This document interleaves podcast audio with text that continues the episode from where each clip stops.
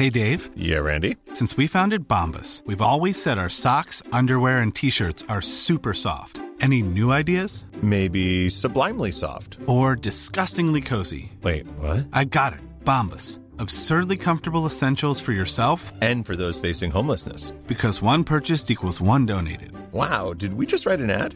Yes. Bombas. Big comfort for everyone. Go to bombas.com slash ACAST and use code ACAST for 20% off your first purchase. There's never been a faster or easier way to start your weight loss journey than with PlushCare.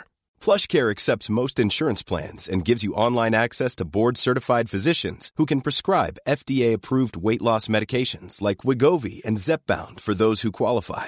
Take charge of your health and speak with a board-certified physician about a weight loss plan that's right for you. Get started today at plushcare.com slash weight loss. That's plushcare.com slash weight loss. plushcare.com slash weight loss. Og Da ser vi sekundene de går ganske fort, men det får vi håpe at du Gjermund gjør også. Og vi må ha klart for oss at Radé Stevi først får øye på han. Vil han bruke over to minutter inn? Over to minutter, helt sikkert. Ja,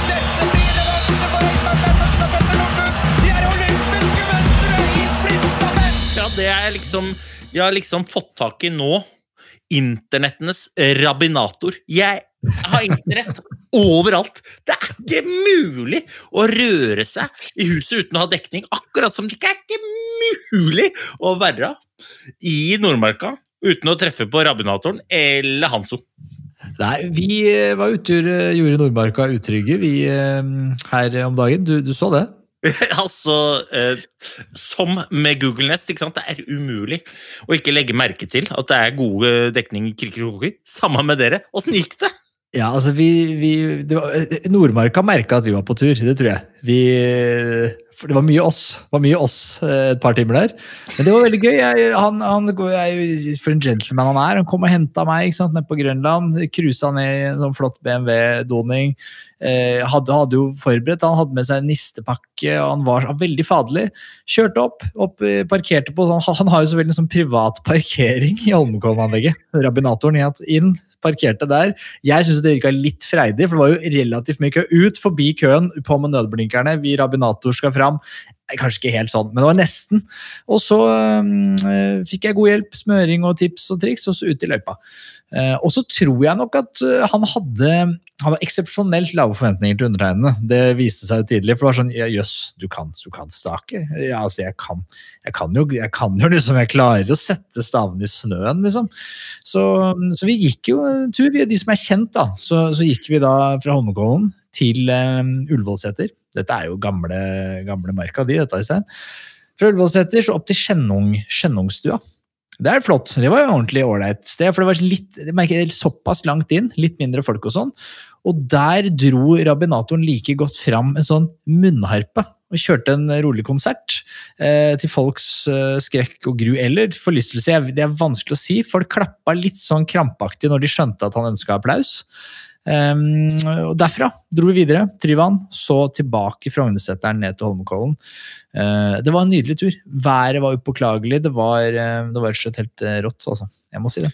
Ja, det hørtes ut som en fin tur. Det er jo sånn, Jeg tenkte bare på det der det derre munnharpegreiene. At det, er veldig sjelden forventningene stiger når noen drar fram en munnharpe. At det er veldig sjelden Altså, jeg har ikke vært på én munnharpekonsert hvor folk stimer inn i Golden Circle, tar av seg bh-ene, kaster de på scenen altså, uh, Jeg har ikke vært på noen sånne konserter, for så vidt, da, men ei heller på munnharpekonsert. Stort sett når noen drar fram munnharpe så rømmer folk lokalet. Nei, men, men, folk er litt usikre på hva som skjer nå. Og det, det smeller liksom aldri Jeg er jo Jakten på kjærligheten-fan. Han, ja. han, ene pokalen der han, har altså, han er så langt nede i posen med sjekketriks at han drar fram den munnharpa. Og jeg er usikker på om det blei samleie faktisk av det. Jeg er usikker.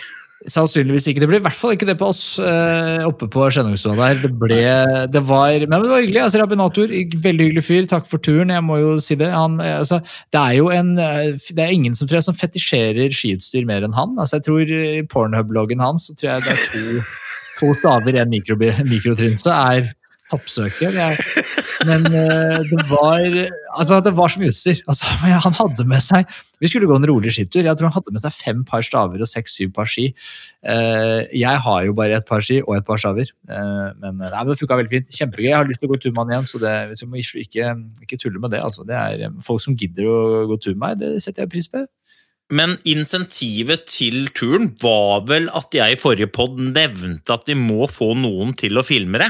Ja da, og det kan jeg si at det er blitt gjort. Jeg tenker at eh, vi nå rolig i morgen, kanskje, da, etter at denne episoden her har fått ligge og cruise en dag, så skal det komme en stakefilm av undertegnede, hvor jeg viser fram de ulike stakegangene mine. Jeg har jo da en sånn litt sånn gamle stakegangene var jo litt sånn smal, jeg har jo nevnt det. Litt sånn smal i, i, i steget der, for det, det innbilte jeg meg at det, det var sånn man skulle stake. Eh, og så har jeg da breia ut den litt ut med albuene, for da aktiverer jeg ryggen mer.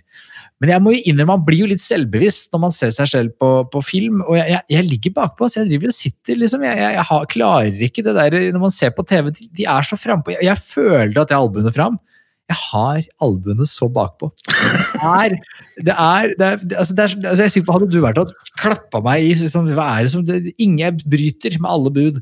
Så det, man må bare Altså, jeg er dårlig på alt. Jeg, jeg var, han filma blant en film hvor jeg, hvor jeg da sto i hockey.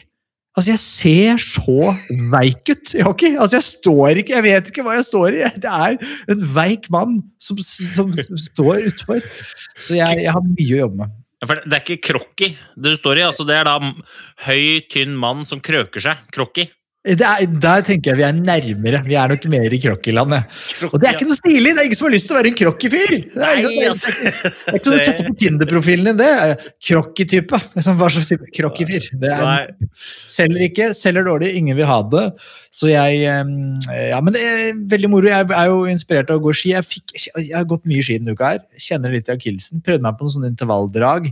Bomma i seg. Så det, og det jeg driver med nå, jeg bygger unnskyldninger til at jeg skal, eh, når vi, du, jeg og vår venn Jon Arne Riise skal gå til tomme, tomme Øystein Pettersen Hva er det du setter i gang?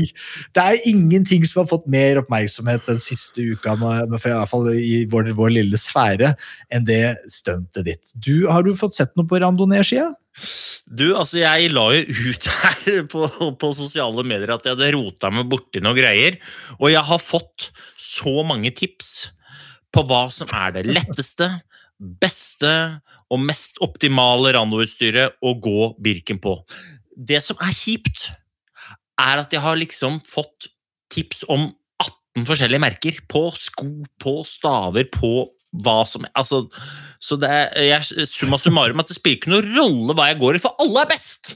Alle er best i randoverden. I uh, hvert fall til, til Birkenbruk, for det, det, det, er jo ingen av de som lager ski til. det kan jo være det. Men det skal sies at jeg har da Ryktene sier at jeg kan omtrent komme ned på vekta til langrennsutstyr. Oi!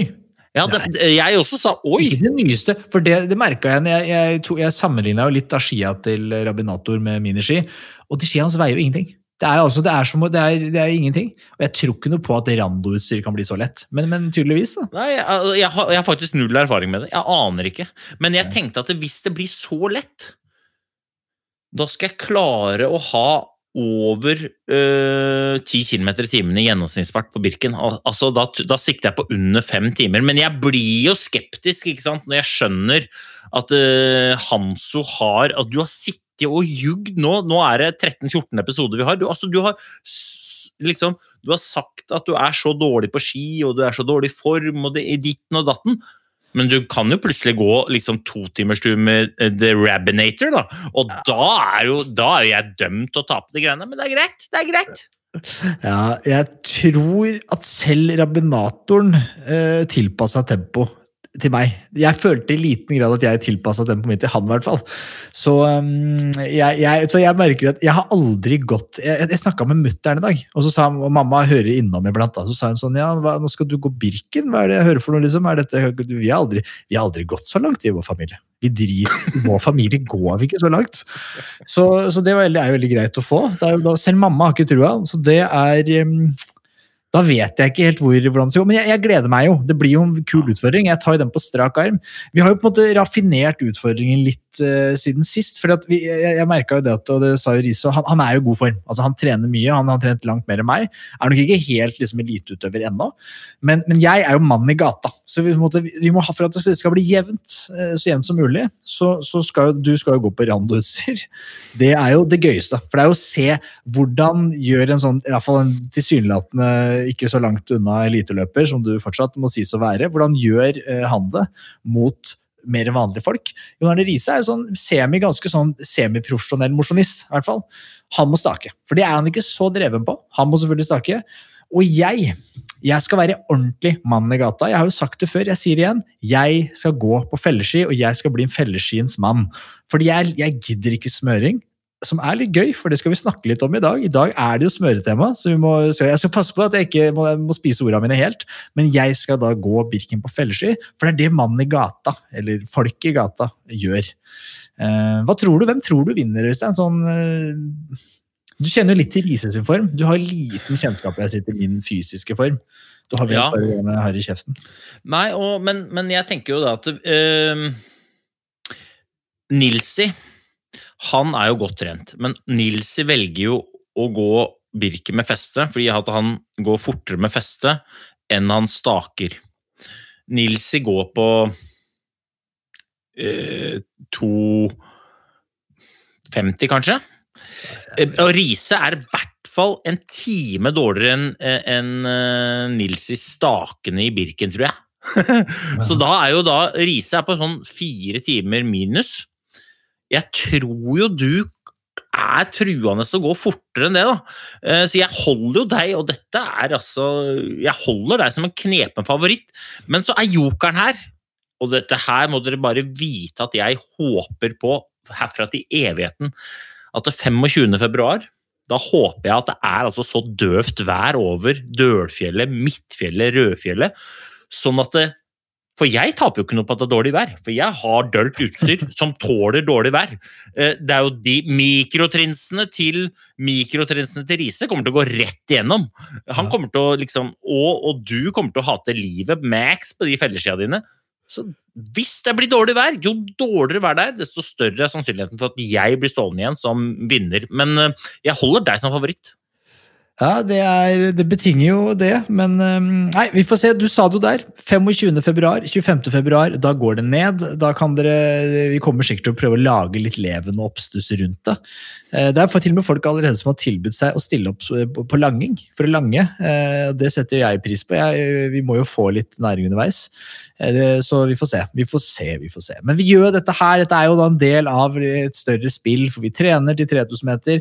Dessverre har jeg ødelagt meg, derfor driver vi nå med litt alternative stunts. ikke sant? Gå litt ski, gjøre litt sånt. Men Øystein, du er jo ikke skada. Så eh, ryktet sier at du, du skal Vi spiller jo dette her eh, på søndagen, og det er episoden kommer først på onsdag. Men du skal nå, altså før denne episoden kommer ut, da, da skal du løpe 3000 meter eh, og sjekke formen. Ja, det står jo på plakaten, så jeg skal gjennomføre det nå til uka. Ja. Eh, men det skal jo sies at jeg er jo litt skada, jeg jo. Eh, ja. altså, de legga mine de er jo fortsatt så sprø som saltstiks kan være. Eh, men jeg skal løpe, eh, og jeg, jeg, jeg satser på å legge ut på, på mølla her nå. Jeg, jeg kommer til å holde bremsen litt igjen, men eh, planen er å løpe på ti blank. Ja, og Hvilken Det er det det blir, blir for, eh, for Nei, da tenker jeg jo at jeg kjører det jevne, jevne siget. Men eh, så hvis jeg løper 3,20 da på kilometeren, Mm. så rask koderegning da, Hanso, så blir det 10 blank. Ja, det er, Eh. det er hissig, det. Det er, det er, det er kvikt, det, da. For, for eh, folk som liker felleski, fetisjerer felleski. Det er mitt pornhub-søk, er jo felleski. Feller. ja, ja, men altså hei. Nei, men, men, men, men, men, igjen, jeg ikke hadde sett for meg. men igjen, her er jo liksom greia De her er jo på en måte igjen Jeg går jo da bare tilbake til det du sier er det viktigste. er Det viktigste er å ha utvikling. Så jeg, jeg kan jo gjøre det enkelt for meg selv. Si, satse på 15 blank. Men det gidder jeg ikke, for det, det går, er så tight oppe i Casa di Pettersen for tida at uh, jeg har ikke tid til 15 minutter, faktisk. Det må bli 10. Raskt internett, raske føtter. Sånn er det. Sånn er det. det er det. Men du la Du Du syns uh, La du merke til at jeg er jo altså Jeg er altså så inne i tiden nå med disse varmetriksene mine. For det, altså, det var jo åpning i Ski Classics. Det var det. Tenkte på det. Det var La Diagonella, hva heter det? La, La Diagonella. Diagonella. diagonella. Engadin. Mm, mm. Ja. Det er vel et renn du har vunnet uh, før det? Det stemmer. Det Ja. stemmer. Jeg har vært både på pallen og vunnet det, og det vil jo si at jeg vant det en gang når en svenske gikk feil, da. så egentlig så ble jeg nummer to i det rennet. Eh, rett skal være rett. Men det som er med det rennet, er ofte at det er strålende vær, 1800 meter, knusktørr snø, trå snø og kaldt. Men det så oh, altså så nydelig ut. Det er så kaldt. Ja, det er nydelig på bilder. Og så er det så kaldt å gå. Dette er jo det samme rennet som Jon Arne Riise beskrev i forrige episode. Ja, ikke sant? Ja, ja, ja. Men, men altså, ja, vi, må, vi, må snakke, vi må snakke om dette her. Det var, det var eh, det mest Altså, det som har gått mest viralt etter dette, er jo ikke resultatene hvordan det gikk. Det er altså eh, føttene til hun Britta Nordgren og hendene og knærne til han Andreas Nygaard. ja knærne er vel eh, Knærne er jo da Magnus Westerheim. Det er, det er Magnus Westerheim sine. Jeg er bare Ja, for, det er flere som har jo, Ja, ja. Og, og alle og, det, og altså De har jo fått så froskader. Alle som ikke har sett, må gå inn og se. Søk disse opp på sosiale medier og se, for det er jo ikke noe bra. Og det som, det som er, og dette her er jo helt alvorlig. Dette mener jeg jo. Det er jo i, i vanlige konkurranser, eh, verdenscup, barneidrett, sånne ting, så er det kullegrenser. Mm. Eh, det er det ikke så nøye på Ski Classics, men det tipper jeg de kommer til å bli fremover. Ja, For det, det, det der er- og Jeg merker, jeg, jeg syns nesten Ja, det der syns jeg er vondt. Og jeg merker sånn Det er kanskje grunnen til at jeg ikke er, går der nede, men jeg hadde ikke giddet. Jeg hadde bare sagt sånn, dette gidder jeg ikke, for det er viktigere for meg å kunne leve de neste uh, x eh, årene, 100 årene, uh, uten å være ødelagt. Det er viktigere for meg det enn å komme topp 20 i Ski Classics nede i La Diagonella, noe som går klokka halv åtte om morgenen på NRK, hvor det kun er Petter Skinstad som ser på. Men nei, han er også med og deltar, så det er ingen som ser på. Så det, det hadde jeg ikke. Det er noe stygge, men det er, det er litt sånn det er. Altså, det hadde jeg ikke giddet. Men, men eh, det, er, det er kanskje grunnen til at jeg også ikke eh, er og går noe redd At jeg går til Ullevålseter med Rabinatoren. ja, nei, men altså det som, det som er ekstra kjipt med akkurat langløp, er jo at vi staker. Og når du staker, så står du stort sett med føttene godt planta på de skia du står på, og du får ikke noe blodsirkulasjon i føttene, så du blir altså så innmari kald på tæra. Ja. Og du blir altså så kald på tæra at du må bare finne noen løsning på hvordan du skal holde varmen. Der har jeg tidligere snakka om disse varmesokkene. Jeg har, jo, jeg har kjøpt sokker med batteri og varmekabler rett og slett, for å varme opp føttene. Og I tillegg så bruker jeg ullsokker utenpå skoene. Og så så du jo eh, knærne, de er jo utsatt. De er da uh, beskytta av et tynt lag med lykra. Og det er liksom, det er jo ingenting. Så kan du godt ha ull under, men det som er problemet er at de står stille, får masse vind hele tiden. Og så er det fingrene, ikke sant. Noen av de går med, med hansker. Det er sånn, kom igjen. Ja. Det, går, det er ja, disk. Men forbryter ikke? Ja, altså, sånn, det er ikke så ja, jeg, jeg vet ikke. Jeg vet ikke jeg, de, de er beinharde folk, da. Altså, det, står, det står respekt av på en måte, den, den gritten som de viser. Det er jo bare mm, imponerende. Men la Skal jeg fortelle deg hvorfor de ikke bryter? Uh, ja. Det er litt det samme som at du ikke kommer til å bryte Birken. For du kan godt si at du bryter Birken. Nei, nå gidder jeg ikke mer. Jeg er på uh, Raufjellet. Jeg gidder ikke mer. Hva er alternativet ditt da? Lang vei hjem. Like langt hjem. Ja, da går du hjem. Så det er sånn, du har valget mellom å gå sakte hjem, eller bare gå så fort du kan hjem. Så Ja. det er derfor de ikke bryter. De går hjem. Og det er derfor alle sammen henger på, selv om de er iskalde. fordi nå må vi bare komme oss hjem, folkens. Ja, jeg får håpe de har noe bedre støtteapparat enn jeg har på enslig tur over der. Jeg ville jo bare vente, altså, jeg har gjort sånn som man gjør med lite man gist, jeg gitt staven til deg, så du trukket meg resten av veien hjem. På randoski. Det er såkalt god kompis. Ja, men- det var, det, det, altså, det var ikke bra, det der, altså. Det, det, var ikke, det, var ikke, det var ikke i nærheten av å være bra engang. Og vi kan godt fleipe med det, men jeg, jeg sier det, kjære lytter, at hold hodet kaldt og føttene varme. Jeg mener det øh, helt seriøst. Nei, men, men resultatene må vi jo bare gå innom her raskt. På, på herrene eh, så, så eh, jeg, jeg har ikke fulgt så mye med på Ski Classics opp igjennom, men altså, Oskar Kardin vinner jo med over tre minutter, gjør han ikke det? Og, Ja, han var ikke fire? Det var kanskje så. Var, altså han bare solo, solobrudd, som man eh, kjenner fra sykkel. Er det vanlig at man klarer det? Uh, nei, det er ikke vanlig at man klarer det, men i Engadin på den snøen så er det ofte enorme skiforskjeller. og um, altså Jeg skal ikke ta noe vekk fra prestasjonen Oskar Kardin gjorde, men jeg er helt sikker på at både Oskar Kardin og Team Ragde, som han da representerer, hadde veldig gode ski. Veldig gode ski. Ja, og apropos det, apropos det. Sondre har sendt inn et spørsmål som jeg mener er kjempegodt. Eh, Jeg satt og så på herre, herreløpet der, og da, og da han sier eh, Lurer på om dere kan kommentere noe på lagtaktikken til Ragda under La Diagonella-helgen.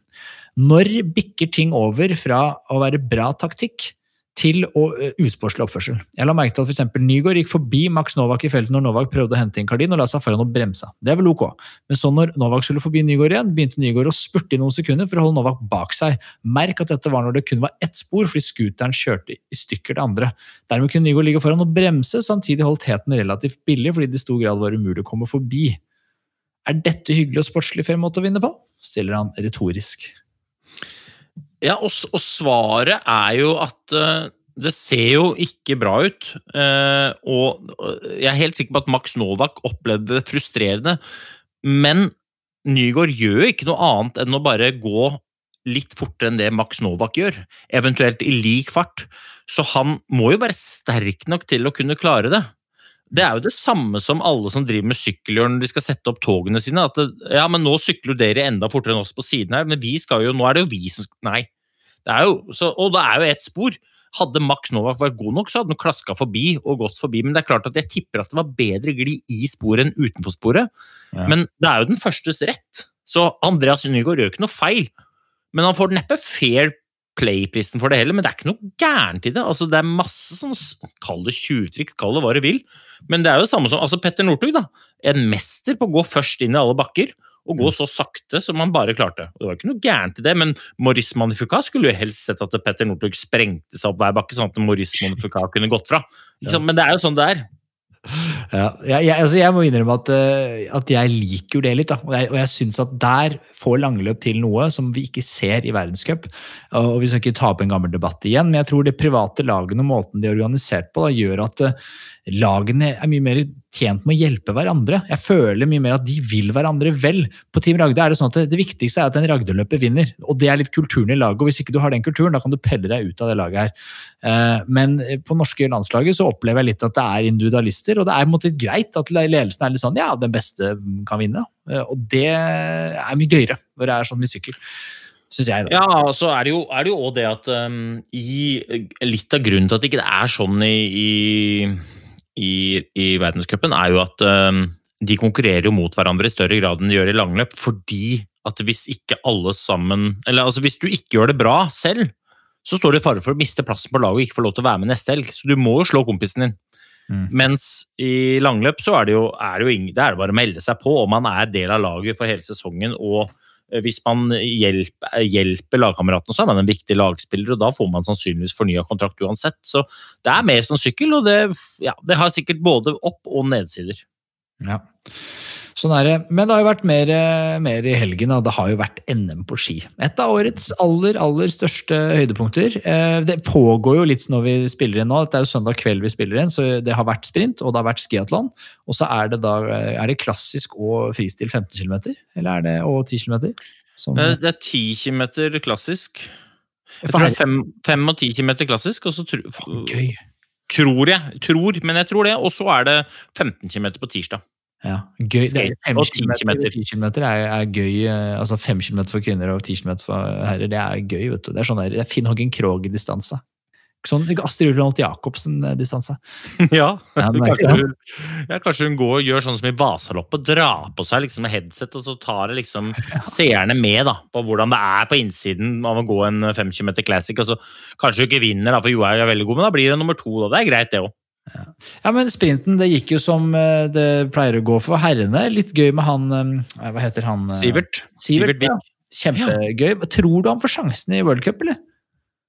Ja, ja, ja, at han får sjansen i World Cup, det må han. Det må han. Nå har han gått så fort de to siste helgene. Han må få sjansen i World Cup. Spørsmålet er om han får sjansen i VM. Eh, og det er For å komme til VM? Ja. Jeg tror nesten han må på pallen. ja.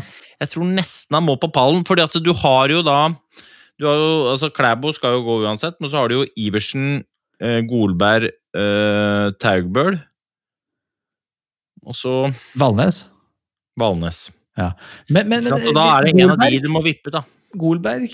Altså sånn eh, Ja, Golberg. Men Golberg, han øh, har gode, gode øh, internasjonale meritter inneværende Eller nå er det ikke innebæret ordentlig heller, men han har gjort det innmari bra. Så han har god historie, så er han jo Men, men hei, altså jeg skal ikke si det. Jeg tror nok at det er Golberg som er den som har mest kniven på strupen eh, mot Sivert Vik. Det tror jeg. Men så har du Taugbøl bak der, da, men det eh, på, på Twitter hvor folk eh, Det er jo stygt å si, men kanskje litt sant. At de sa men Taugbøl klarer jo aldri å ta medalje uansett. Vits hva vits med å sende han dit? Han vet at det kommer sikkert hjem med en femteplass. han. Det er jo ikke det vi vil ha. Vi vil ha medaljer. Golberg kan ta medalje. ikke sant? Han har vunnet før, han, og kommer til å vinne igjen. Ja, og så er det jo òg løypa, da. Eh, Og jeg kjenner Håvard innmari godt. Jeg er innmari glad i deg, Håvard, hvis du hører på. Eh, Men både Håvard og ganske mange andre vet at det, stakoppløpet som er der, er jo ikke det sterkeste kortet til eh, Håvard Taugbøl. Staking langt opp i stor fart, da er, er det jo sikkert andre som er bedre. Men akkurat hvordan han er mot Sivert Vik, det vet jeg faktisk ikke. Så det veit jeg ikke. Jeg er jo enig i det sn- sn- snikksnakket der. da. Jeg mener jo at Taugbøl bør få plass, og det er mange grunner til det. Eller to, i hvert fall. Nummer én at jeg tror han kan gjøre det dritbra. Han har blitt voksnere, modnere, han presterer. Jeg tror han kan gjøre det dritbra i sprint. Så jeg mener, Og han har prestert over tid, og det bør telle for noe. Gi han sjansen. Og så er det teamsprint. Teamsprint, Det er fristil. Og han er god, god i teamsprint. Altså. altså god i Så jeg, jeg, jeg, tenker sånn ah, Om jeg skulle satt, tatt ut et lag, sett uh, Taugbøl på lag med, med, med, med Klæbo i, i teamsprint, det er ikke sikkert det er dumt. Det, det går i fristil, vet du. Valnes, ja, ja vet ikke. Det eneste som er sikkert, er at det, uansett hvem Norge stiller med på både sprinten og teamsprinten, så er det ikke dumt. Fordi det er altså så sjukt mange gode løpere. Herregud! Det er så gøy å se. Men, men um, uh, på damesiden så var det gøy å se falla. Øh, god stemning. Altså, dama har vunnet nå flere NM-gull i sprint tror jeg, enn Marit Bjørgen.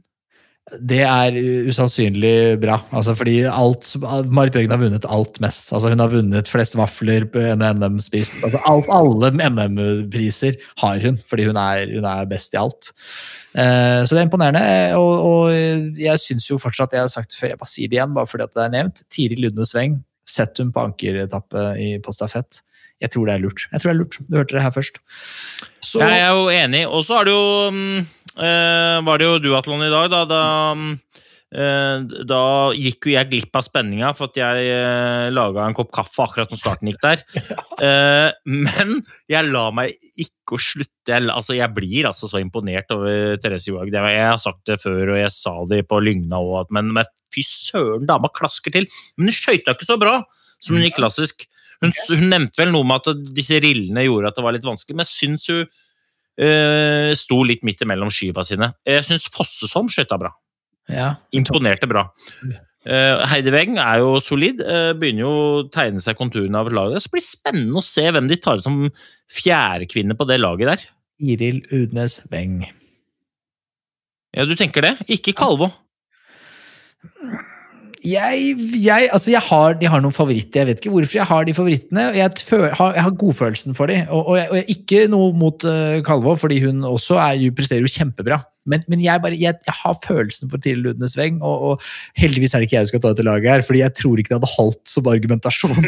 Jeg har godfølelsen for Ludnes Weng. Hvorfor? Jeg, ingen anelse. Jeg bare, nei, men jeg føler hun, føler hun har den dette, Husk at det er ti kilometer, vet du. Det er ikke så jækla langt det skal gås. Nei, fem, fem kilometer, mener jeg. mener fem kilometer. Det er jo er det ikke det som er stafettdistansen? Ja. Så Mm. det, det vil si at eh, det skal gås ganske kort, vet du.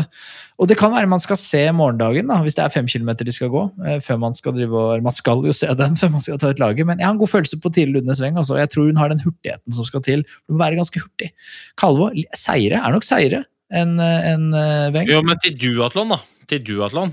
Kanskje Kalvå Da er det 15 km som skal gås. Mm, Ja, Tiril, jeg, altså jeg tror Tiril Lunde Sveng er, eh, er min er bra. Altså, Tiril skal til Hun må begynne, hun må kjøpe seg en lederåsen, for hun skal dit uansett. Men jeg håper at Kalvå kan gjøre det samme.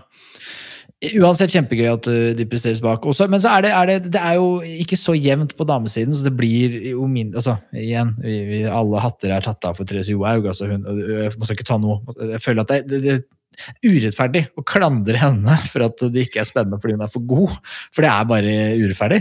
Men, men det er jo mer jevnt, i hvert fall, da, på herrene. Eh, Hva syns du om 30 km?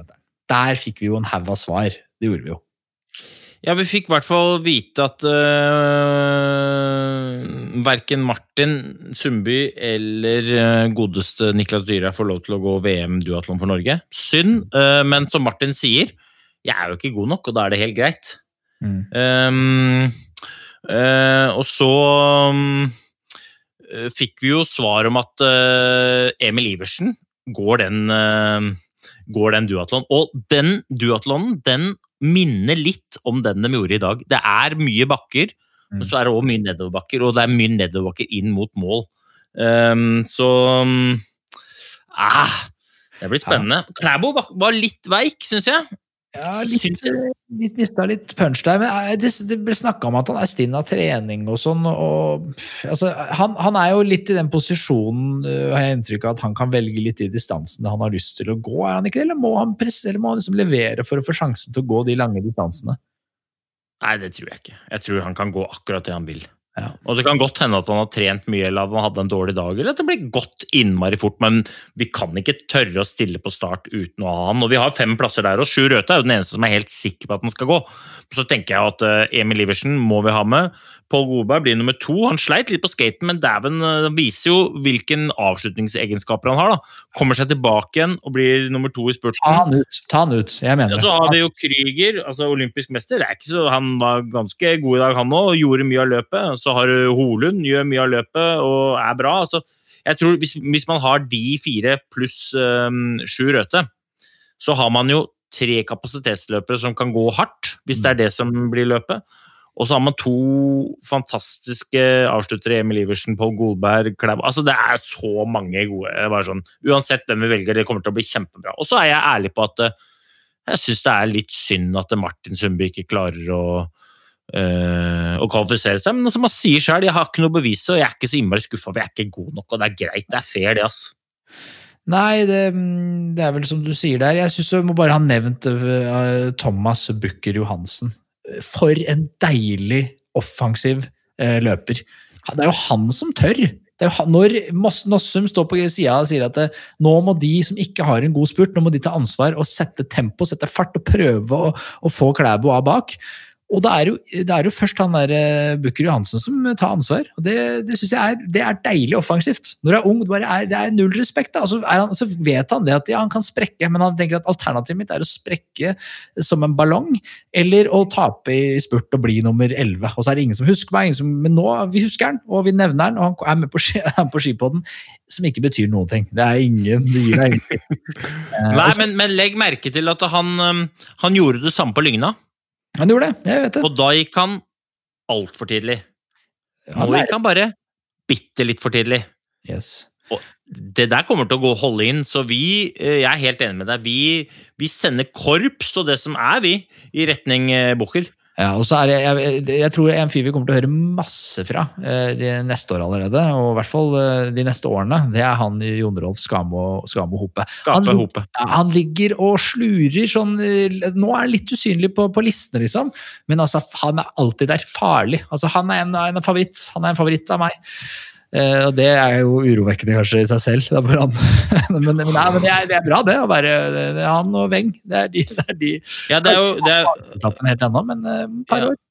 er det liksom litt som eh, Han er på en måte Både han og Østberg Amundsen er litt motsatt av deg, meg, Jon Arne Riise, Rabinatoren. Altså for de gutta som vi altså Østberg Amundsen skal på Hope, hører ikke så mye om dem, er bra.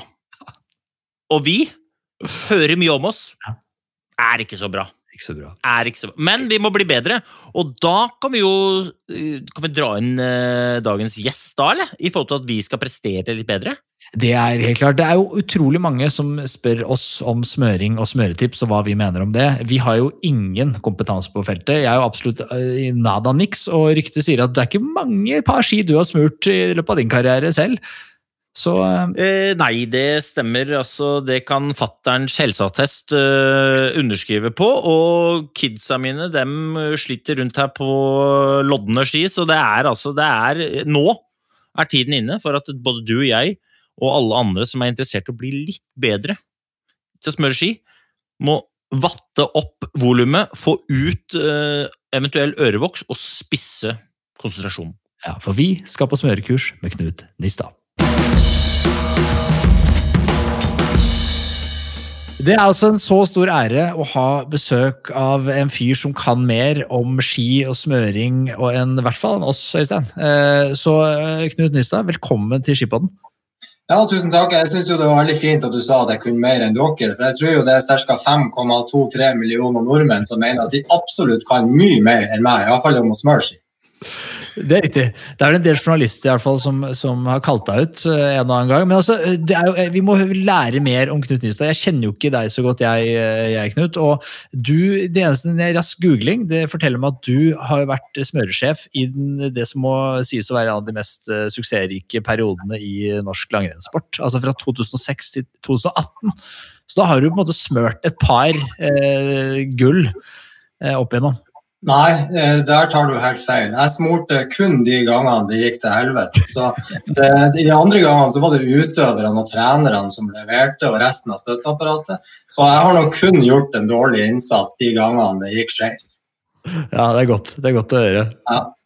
Men, men altså, for, for, for historien, hvordan kommer man seg i altså, hva hva må til for å liksom Jeg tviler på hvis jeg hadde bare møtt opp uh, på døra til Nossum og sagt sånn Du, jeg, jeg, jeg har øvd litt i, i garasjen på noe smøring. Jeg, jeg trenger ikke noe hjelp nede Nå er det VM snart. Jeg trenger noen ekstra hender. Da tror jeg han hadde bedt meg dra rett til et uh, varmt sted. Ja, hvordan starta det? Nummer én så bør du være født i et høl i Norge som eh, ikke har alpinbakker eller heis. Har lite med innendørsanlegg, sånn at du blir tvunget ut i kulda til å bruke de joggepinnene. Så hvis du først får en brutal oppvekst som det, så har du, da er du liksom materiale for å havne inn i smørebugnen. Og hvis du i tillegg da ikke har foreldre som gidder å smøre skiene dine, da har du gode potensial for å nå langt i smøreverdenen. Så når man ikke lykkes med noe annet, så sender man en søknad inn til Norges Skiforbund, og hvis de da er dum nok til å akseptere den, så blir du som meg, smøresjef da i noen år. Ja, ok. Ja, du starta, du gikk rett inn som sjef. Du var bare direkte sjefsrollen der. Det kan hende ingen som vil ha den. ikke sant? Så Det var etter en litt sånn periode der det var litt bråkete brokete etter et OL som ikke akkurat var en suksess, så var det vel ikke så mange som ville ha den stillinga. Nei, nei, nei det, det, jeg føler at jeg leverer på noe av det. Jeg er jo fra Skedsmokorset, og mange vil kalle det et høl. Jeg har en far som i, han har fått gjort sitt beste, men det har, jo ikke, det har vært mye dårlig ski opp igjennom. Så kanskje, kanskje jeg er i rute? Hva tror du, Øystein? jeg tenker at uh, ja. Altså, Knut er jo en veldig god pedagog, og han, han, snakker seg selv veldig ned her. Men jeg tenker, i løpet av en halvtimes tid her nå, så tipper jeg du skal bare fyre av gårde en søknad. Det, og ja, så Nå er jo det der uh, laget som er oppe i Trondheim nå, de er rustne. ikke sant? Det er korona overalt, får ikke gjort noen ting. Altså, Jeg ser jo han ene som driver og tester, Christian, liksom, som han bor rett nedi gata. her, Han er jo bare ute og jazzer med kiden. Det er jo ikke noe smøring der. Og hver gang jeg ser han i løypa, så står han bare stille. Ja, så har jeg to, gode attester med meg. Ja, nei, men, men det, er, det, er, jo smøring. Altså, altså, for det er som du sier, det er få ting som engasjerer folk mer enn en skismøring. Og det, er, og det er få ting som irriterer folk. Senest jeg var ute i marka her i går, og da møtte jeg flere folk som spør har dere med noe smøring. Altså, vi, har, vi kommer oss ikke av flekken. Vi er stuck nå på Ullevålseter. Vi kommer oss ikke hjem fordi skia våre suger. Så det, det rører med folk. Og, og jeg har så mange spørsmål om dette her. fordi Eh, hvor, hvor, skal vi starte? Eh, la oss starte med liksom eh, base-kittet. Hva må jeg Jeg er da ikke noe elitemosjonist, men jeg liker å gå sånn to-tre skiturer i uka når jeg fører for det, og været tilsier det. Hva er det liksom Hva må jeg ha for å liksom kunne kalle meg eh, mosjonist? Ja, regel nummer én så bør du vel kanskje ha et par ski. Eh, regel nummer to så må du bare akseptere det fakta at det er jævlig god trening i dårlig glid og dårlig feste. Sånn at eh, sånn sett så er det egentlig optimalt for din eh, formkurve at du sliter litt på smøresida av og til. Så når du da har akseptert de to faktaene, så kan vi jo begynne å se på hva du trenger i smålingskofferten. Og det er ikke veldig mye. Så hvis du eh, liksom har begynt å, å komme deg inn i skiverdenen og har lyst på en litt sånn snill start, så kan du jo begynne med skøyteski. Får ikke noe enklere enn det. Da kan du kjøpe litt flytende glider, og så er du nesten i mål. Hvis du har kommet deg på klasseski, så kan du investere i et par fellski først. og Da er det òg flytende glider som gjelder. Så da er det flytende glider under skiene og flytende glider til deg når du da endelig kommer hjem etter en lang skitur. Kan du gå i kjøleskapet og hente litt flytende glider. Og da er du i gang. Det er ikke verre enn det. Nei, det, Jeg liker jo måten du tenker på, for det er litt der jeg er nå. Men det, det må jo sies at når jeg, når jeg sier det til Øystein, at, at jeg, tror, jeg tror det blir felleski. Da sier han liksom, Det er ikke greit, liksom. Kan, da kan vi ikke være venner lenger. altså da, Dette var synd. da, nå har liksom, så, så, så, jeg skjønner at det skiopplevelsen skal etter sigende være bedre hvis man måtte smøre for rett, rett føre. og Akkurat nå om dagen da, i Oslo hvor jeg bor, så har det vært veldig greit, for da er det sånn minus syv eh, rundt der, Eh, og sånn passe moden snø. Og da er det den blå ekstra. Smakker på blå ekstra litt midt under, og det går som krutt. Føler jeg har god ski, godt feste, glir greit trives godt. Men eh, så når det nærmer seg null, liksom, da, da suger jo livet. Da, da mye vanskeligere og liksom hva eh, Kan man Og så er det varmere enn det, så er det best å bare sitte i hytteveggen. Det, sånn, det, er sånn jeg praktiserer i dag. Da. Men jeg tenker man må på en måte prøve å, prøve å komme et steg videre. Eh, så hva, hva, må man ha? Ja, jeg kan jo ta det først. Det, det kalde, gode føret det er jo det enkleste føret. Og det er jo sånn som vi har nå. Og blå ekstra er en veldig fin ting. Så hvis du klarer å gå til vinduet og lese temperaturen som det står på termometeret, og husk det, og så går du bort til smålingskofferten din og så finner du ei småling som har eh, det, eller ligger, at det tallet ligger på, nederst på boksen, at du kan lese det, så er du nesten i mål. Men det folk slørver veldig mye med, det er grunnarbeidet på skien. Så veldig mange har jo kjempegodt feste ut fra parkeringsplassen, men så går det ikke så veldig mange kilometer, så har de ikke feste. Og da blir det vanskelig. Så det du må bruke først, må du bruke sandpapir. Og så må du legge en grunnsmorning. Og det kan man gjøre veldig enkelt med å kjøpe en type klisterspray, hvis man ikke er så avansert at man bruker en grunnsmorning som man smelter. Så da legger du den grunnsmorninga først, eller klistersprayen. Så lar du den tørke litt, og så kan du gjerne gå på med den blå ekstra. Og da vil du få en bedre skiopplevelse. Ok, det, det her må vi, bremse opp. Allerede her er du langt ute. Altså, jeg henger ikke med. Okay, så Sandpapir for Jeg blir tenker det er jo å ødelegge skia. Det hadde, jeg, hadde, jeg, kan kjenne bakhånda til fattern eh, hvis jeg hadde tatt sandpapir på, på skia. Så hvor, mye, hvor mye skal du hvor, altså, I smøresonen, hvor, hvor, stor altså Hele smøresonen? Ja. Og det er det som er at eh, når man går på butikken, ikke sant, så er det liksom en fordel å gå på en butikk som har litt peiling på, på ski. Og så er det en god idé å ikke lyge på vekta. Så den ene gangen du ikke skal lyge på vekta, det er når du kjøper ski. Og da merker de opp den eh, smøresonen, og da får du satt deg på et sånn lite tusjmerke. Og da bruker du sandpapir mellom de tusjmerkene. Så det er bare på midten av skia. Og da pusser du frem og tilbake med 100 papir eller 120 papir. Uh, og så legger du da på grunnsmåling der. Og Da er det to måter å legge grunnsmåling på, eller vi kan si tre. Den ene er å legge en grunnsmåling, tørrsmåling som du smelter inn med strykejern. Den andre er en klisterspray. Fordelen med klisterspray er at du kan bruke den både på klister og på tørrsmåling. Og det siste er jo når det er klisterføre. Da legger vi som regel en hard klister i bunnen. Så det er de tre grunnsmålingene som er.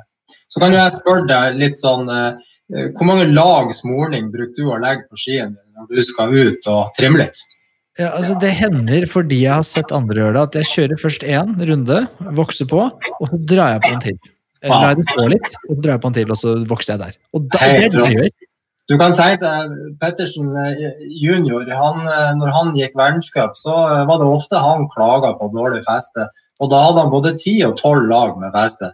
Så hvis du har to, så er det jo ikke å vente at du sliter med skiene dine. man, bruker, man legger så mange lag på, på disse eliteutøverne. Ja, men så er det òg det at de, de, legger jo tynt. ikke sant? Jeg opplever at den, det er to feil som eh, mosjonisten gjør, med fare for å generalisere, men med litt trygghet i det jeg sier òg. Det ene er jo det han Knut sier om at man dropper det grunnlaget. Og grunnen for at man skal ha det grunnlaget, er for at man skal ha festet der hvor det er, og at det skal bli værende der, og ikke at det skal skli bakover på skia, sånn at det er i glisonen på bakskia sånn at du får dårlig feste og dårlig gli. Så det er grunnen for grunninga, som man sier, da. Men så er det jo da når de skal da legge smørning oppå det, så det er liksom ikke noe silkelag altså Folk kledde på som om det var sjokade og Nugatti. Altså her, Da smører du på, og så begynner folk å korke, og så sier de jeg får ikke helt, det får det ikke helt til å bli glatt. Og det skjønner jeg, for det ser jo ut som du er i ferd med å lagre en sånn god, gammeldags hjemmelaga pizza under altså legg, Legg tynne lag og mange lag. Ja, og tynne lag, det kan du tenke deg, det blir litt som å fargelegge med kritt. Hvis du er for hard på krittet, så knekker det. Så du må tenke at du skal fargelegge skia under. Og da kan du bygge opp. Så at uh, nummer én sandpapir, nummer to er grunnsmåling. Og så begynner man å uh, bygge opp med kan du si, uh, eller hard småling i bunnen, og så litt mykere, og så dagens måling på toppen. Og da kommer du til å ha like godt feste når du kommer hjem til parkeringsplassen igjen. Så det er viktig å gjøre den gode jobben. Men hvis man ikke føler for det, da, Mm. Så sa du jo at uh, felleski det er jo absolutt et alternativ. Skøyteski er også et annet alternativ. Uh, og når du kommer til null, så er all smøring vanskelig. Og jeg tipper at 90% av Norges befolkning klarer ikke å smøre bedre på nullføre enn ei felleski. Så det er ikke noe uh, tap det å gjøre det enkle. Det, det viktigste er tross alt å komme seg ut. Men, men, la meg spørre det spørsmålet her, da. Det er, vil du, vil du si at dersom man ikke har tid, eller prioriterer seg tid, eller har evnene til å smøre med, med altså, sandpapir og grunnsmøring, og så lag på lag på lag, på lag, eh, vil du si at det, det, er like greit å bare ha felleski da? Ja, altså for... Det er bedre enn å gjøre som jeg gjør nå, da, ved jeg smøre ett tykt lag eller to tjukke lag. Ja, altså, Vi må jo først ta utgangspunkt i hvorfor er det vi smører. Vi smører jo for å få gode skiopplevelser. Og hvis du ikke evner eller orker eller vil smøre til at du får en god skiopplevelse, så må man jo se på ja, hvilke alternativ finnes det. Og da er det jo felleski hvis man skal gå klassisk, og så er det jo skøyt.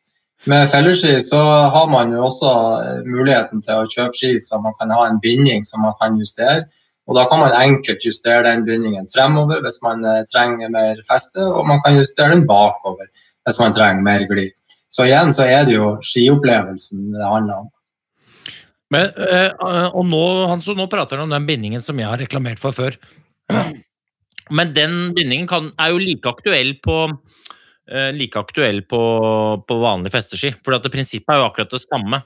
Eh, men da spør jeg deg litt teknisk, Knut, for dette kjenner jo du til. Men løperne i, i, i verdenscupen, flytter de bindingen noe på skitest eh, sånn som ting er nå, eller smører dere alltid? At bindingen alltid står i null, og så justerer dere? Eller hender det at eh, noen utover har bindingen i minus én eller to, eller eventuelt pluss én eller to, hvis det, avhengig av om den trenger mer feste eller mindre feste? da?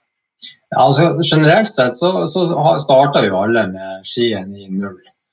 Også hvis man trenger å justere etter føre, så justerer man enten bindingen fremover eller bakover. Og det gjør man både på klassisk og på skøyteski. På klassisk er det alltid sånn at du har et valg. Hvis ikke skien sitter 100% så eh, må du velge. Skal jeg legge til lag med småling og kanskje risikere å få litt dårligere glid, eller skal jeg ta og heller og kneppe skien ett hakk frem? Og hvis det subber litt nedi, du kjenner litt av festesmålinga, men du ønsker å ha frie ski når du staker, så kan det være en fordel å flytte bindingen bak. Og det blir brukt ganske aktivt av veldig mange utøvere men så er det noen som ikke bruker det. På skøyteski er det også like aktuelt. for at eh, og Det er mange som ikke tenker på det, men på skøyteski så trenger vi òg feste. Vi trenger feste mot underlaget. Det er bare det at nå skyver vi ned og ut til sida. Og hvis det blir som ei rund skøyte, så bare sklir skia ut, og da får du ikke noe kraft. Så selv om skia er superrask nedover bakken, hvis du ikke klarer å skape kraft i Eh, når du går enkeltdans eller dobbeldans eller padling, så er det ubrukelig ski. Og da, Hvis det er hardt, hardt føre, så kan du justere bindingen frem og få mer grep mot eh, snøen. Og hvis det er veldig løse forhold og blaute forhold, så kan du stille bindingen helt bak for å flyte mer opp på, snøen. Så det gjør jo at du kan bruke bindingen til å få mer anvendelige ski. Spesielt for barn og unge så er det bedre, så slipper man å kjøpe flere par ski. Og dette, altså, det, det, er jo Dette er jo den der uh, Rockefeller Mo-bindingen som jeg har brukt. Nå har jeg sett at andre kommer med det samme. Eh, og det er jo det, det, eh, det er jo akkurat derfor. Altså det, jeg, jeg, slår et slag for den bindingen fordi at den kan gjøre at skiopplevelsen til hver enkelt blir mye bedre. Mm. Enkelt og greit. Men, men uh, husker jo for eksempel uh, Det var jo før så var det noe som het en spacer. En spacerbinding. Og den gjorde jo det samme. Den løfta jo Eller minska trykket på framsida, og vi brukte bare skøyting. Og det var jo for å få en lettere føring, men da opplevde folk at skia ble litt ustabil. Fordi du fikk så fikk du mindre feste i skøyteskia, akkurat sånn som du snakker om nå. Da, men, men snakket, Du snakka om noe her, Knut, som jeg ble på. Det er, hvordan funker det med skitesting før, eh, før renn? Man ser og hører at de har, de har testa ski, og så får man et inntrykk at her har eh, folk stått og slitt og smørt sånn 20 par ski per utøver. Hvor mange ski klargjør man for, for f.eks. en 15 km klassisk? Hvor mange ski klarer man per utøver? Ja, altså Det kommer jo litt an på føret, og så kommer det jo litt an på hvilket nivå du er på. Vi kan jo ikke gi samme service til absolutt alle. Men ta en, en vanlig verdenscuphelg, så vil nok det tilsi at du kanskje har 16 eh, par som du da gjør klar. Og Det betyr to åtterserier. Så tester man det ned. Og til slutt, da, når utøveren skal stå vel, alt etter hva dialogen er med utøveren, så står man igjen med fire til to par. Noen utøvere de sier nei, bare velg skiparet for meg, og så går jeg fort som fy. De andre de sier nei, jeg vil ta det valget sjøl, og jeg trenger fire par som jeg skal velge. Ok, Her må vi vite litt av hvem Her må vi ha et navn. Hvem er det som er kjent for bare å si 'jeg gir faen'? Jeg stoler på dere. For det er jo det kuleste å høre når du er smører. Du, og det er jo selvfølgelig mer nervepirrende, for da kan du smelte tilbake. Men, men, hvem var det som pleide å si 'bare ta valget'? Ja, altså Du har jo en uh, trønder. Han uh, kunne jo ofte være der. Bare meg et par ski, så uh, var det greit. Ja. Ja, vi snakker om han som selveste Han som tar kjøretimer eller gir kjøretimer eller alt ettersom. Jeg tror ikke han får lov å ta kjøretimer lenger. Men, men, men, du er inne på, på rett person.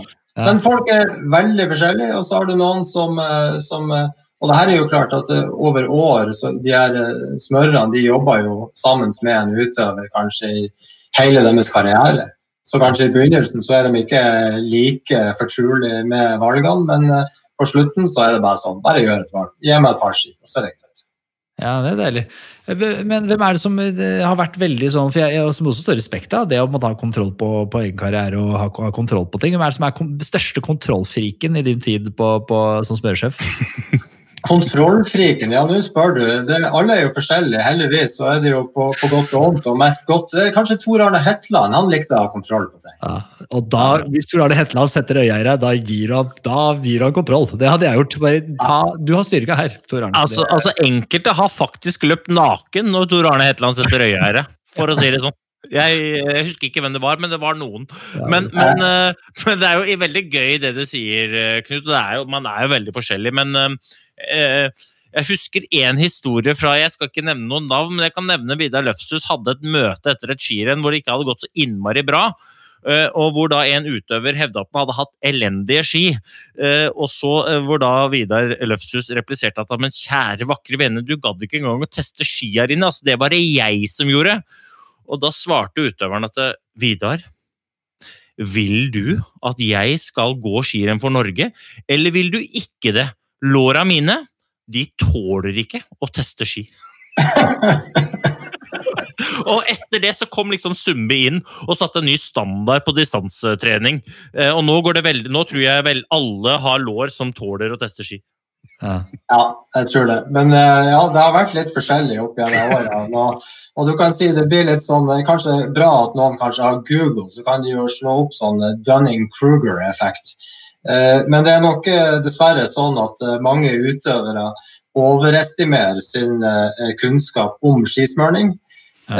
og det slår seg ut i blomst på forskjellige vis, da, alt etter hva resultatlista sier men, men Øystein, nå, vi må jo høre det. Altså, hvordan var Øystein og hvordan var han og han å gjøre? Du har jo vært smøresjef hans, gjennom hele hans karriere. Hva, hvordan var Øystein? Det var ganske enkelt med Øystein, for han hadde med seg støttekontakt. Det var faren hans. Så hvis det var et problem, så sendte vi bare pappaen din, sa det får du fikse sjøl. ja, og så hadde jeg svensk smører. Uh, og det var jo veldig greit å vite hvordan du skulle spille, gjøre ham blid, så han var stort sett blid, og da gikk det greit. Ass. Men jeg likte jo å ha kontroll selv. Uh, men jeg, jeg angrer jo på at jeg ikke var mer nysgjerrig som utøver hele tiden. Eh, jeg tok for god fisk at de skiene jeg fikk, var bra nok, og jeg stussa ikke noe over eh, mm, skias egenskaper. Jeg stussa ikke nok over eh, de ulike litt sånn trykksoner, løyper. Altså, jeg tror de beste utøverne er de som kan mest om det som er aller viktigst for å prestere, og der er skia ekstremt viktig. Altså, det hjelper ikke å ha superform hvis skia er dårlig, eller uh, at du har bare trenger ikke å være dårlig ski engang, bare litt kneppe litt dårligere, så er det forskjell på himmel og helvete. det altså. Du kan jo se sånn, Husker jo eh, VM i Falun 2015. Knut sto der uh, rak i ryggen og sa vi dreit oss ut. Og, og Therese Johaug var jo ikke noe dårlig form. Marit Bjørgen var jo ikke noe dårlig form, men vi var jo sjanseløse. Mm. Jo, det er jo, det er jo, veldig interessant det der. og Alle utøverne er jo forskjellige. ikke sant? Og de, jeg vil si det sånn, 100% av utøverne de bryr seg om skiene sine hvis de hadde et jævlig dårlig løp. Ja. Men det er kun 10% av utøverne som bryr seg om skien gjennom hele sesongen, og som bruker veldig mye tid på å teste ikke sant, gjennom hele eh, sesongen, altså fra tidlig til sent. Så de beste eh, de er som regel best forberedt. Og de dårligste ja, de bryr seg kun om skyen når det går dårlig. Og det er en stor forskjell. Hvem var det som var flinkest til å si skryt? Eh, som måtte være flinkest på å titte innom bua og si sånn Fy faen, Knut. Jævlig bra levert. Jeg skal bare si ja, det. Jeg kom på 15.-plass, men det er faen ikke skias feil. Det er veldig lett. Eh, det er uh, Marit Bjørgen er nok i en klasse for seg sjøl. Og uh, ikke bare det for at hun kom inn i bua og tok seg tid til å takke alle smørene, men hun gjorde det også veldig offentlig ikke sant? når hun var på TV, når hun var på radioen, når hun var i avisen. Og så må jeg jo si eh, de fleste utøverne er veldig flinke til å komme inn i bua og ta en god dialog og, og gi ros. For det, det jo, de står jo på og jobber veldig mye for utøverne. Det å få en liten klapp på skuldra, en anerkjennelse for jobben, det setter jeg stor pris på. Så det er veldig lurt. Hvis vi, skal, hvis vi har noen fremtidige stjerner som hører på dette showet, si takk til smøreren din. Selv om du ikke mener det den ene gangen, bare si takk. Det lønner seg i det lange løp. Ja, og Det er noe som man, eh, jeg angrer på sjæl, for det er så mye jobb. ikke sant? Og man er jo der eh, som et lag, og alle har jo lyst til å lykkes. Ikke nødvendigvis fordi de bryr seg innmari mye om utøverne, men fordi de har lyst til å være med på et sånn vinnende lag sjæl. Så det er jo jeg, jeg, slår et slag for det, og jeg syns jo ja, Det har jeg sagt det før, og det sier jeg mange ganger, Knut, at du er jo du var jo innmari god til å stå der når ting gikk ræva òg, men jeg håper jo virkelig at du fikk like mye kred når det gikk bra. Da, for det er som han så innleder med, du har jo smurt noen, eller ikke nødvendigvis smurt det, men du har i hvert fall hatt ansvaret for et smøreteam som har smurt innmari mange gode ski opp igjennom, så det, det skal du vite at uh, i hvert fall jeg som utøver har eh, satt stor pris på, både med og motgang. Å vite at du, du, har, du, har, en fyr som står der og tar ansvar uansett. Da. Ja. Så det er bra. En siste, det er så jeg, Dette er jo liksom innsiden, så her er jeg full av spørsmål. altså, ok, fordi dette her, vi, vi, ser, vi ser, Jeg ser på NRK, ser på TV 2, og så sier, blir det intervjua hvordan, hvordan var skia. Og sånn. For de prøver reporterne å få fram litt drama internt. Og så sier veldig ofte, for de er pent oppdratt, de har gått hos han derre Graff og lært seg medieteknikk medietekke, og så sier de, og så sier de ah, det skia, ja, fine greier, det var, ikke, det var nok ikke skia, jeg hadde ikke hele dagen. Ah, altså, de, litt sånn unna, men det ligger bak der. I dag var ikke skia gode. Da tenker jeg nå blir det et helvete i bua. I kveld blir det ikke middag på Smørerne. Hvordan fungerer det? Blir det noen ganger noe ordentlig kjeft? Og i så fall, hvem gir den kjeften? Ja, At det går ei kule varmt av og til, det skjer jo selvfølgelig. Men de fleste er jo ekstremt profesjonelle. Og så er det jo lov å være skuffa. Og skuffelse kommer jo ut i litt forskjellige farger, alt etter hvem det er som det har skjedd med. Eh, men som regel så er det jo mange som har en konklusjon på skiene sine, men eh, de bestemmer seg når de ser resultatet, eller de var så og så mange sekunder før eller etter den og den personen. Og så tenkte de ja, men da er det skiene. Og Det er jo ikke noe problem som, uh, å godta det at noen sier at uh, i dag hadde jeg ikke ski som fungerte for meg. For det, Da må man jo spørre ja vel, eh, hva var det som var gærent med skien? En utøver som kommer til en smører og sier i dag hadde jeg ræva ski, ja, det er løsbart. Det er bare å ta de skiene, kapp de i to og hiv de. Så har du løst det problemet. Men det som man må spørre etter, er jo liksom hva var gærent med skia? Var det at det kom en sånn gul dings på himmelen som heter Sol, som gjorde at det ble litt dårligere feste? Var det at eh, teknikken gikk til helvete for at du var så sliten? Eller var det at eh, du rett og slett er for dårlig form i dag til å bruke de skiene der? Og Hvis vi finner svar på alle de tingene, inkludert selvfølgelig håndarbeidet til smøreren, så kan man sammen løse problemet, og man kan løse det bedre neste gang. Det er teamwork. Og så er det jo også sånn at uh, utøverne får jo smørt skiene likt. Men de skiene utøverne går på, er jo ulike. Fordi, For det første så er løperne ulike, så skiene er plukka til utøverne. Men så er det jo òg det at uh, de ulike merkene er også bygd opp litt ulikt. Så på en måte det at det ene eller den andre har gode ski, betyr ikke nødvendigvis at uh, lagkompisen har det samme, for det er to helt forskjellige typer ski. Uh, så det er på en måte så mange variabler, Hans, og du aner ikke hva slags uh, eske du kikka opp i nå. Ja, det der, og jeg, jeg, har lyst til å røre mer. Jeg har lyst til å røre mer. Og du er inne på den her igjen. Skimerker og ski. Eh, og vi, vi, vi, For dette er spennende. ikke sant? Er det sånn, Du som smører, du ser jo veldig mye ski, og du, har, du kan jo mer om ski og struktur enn de aller, aller fleste der ute. Og jeg syns ikke man skal nevne merke, men er det slik at du, du sitter og merker sånn det er, et ski, det er et skimerke eller et par skimerker som er langt bedre enn de andre? Eller er det sånn at alle skimerker har gode par, og det varierer litt fra føre?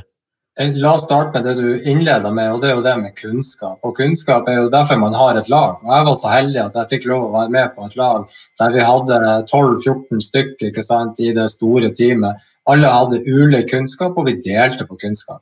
Og Det gjorde at vi alle kunne litt om forskjellige ski og sliper og smurning osv. Og, så videre, og så hadde vi mange spørsmål, og så var vi villige til å teste.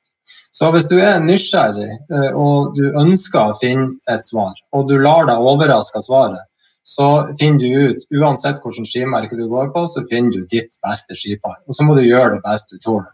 Så over til det andre spørsmålet ditt. Eh, er det ett skimerke som er bedre enn de andre? Alle skimerker har gode ski.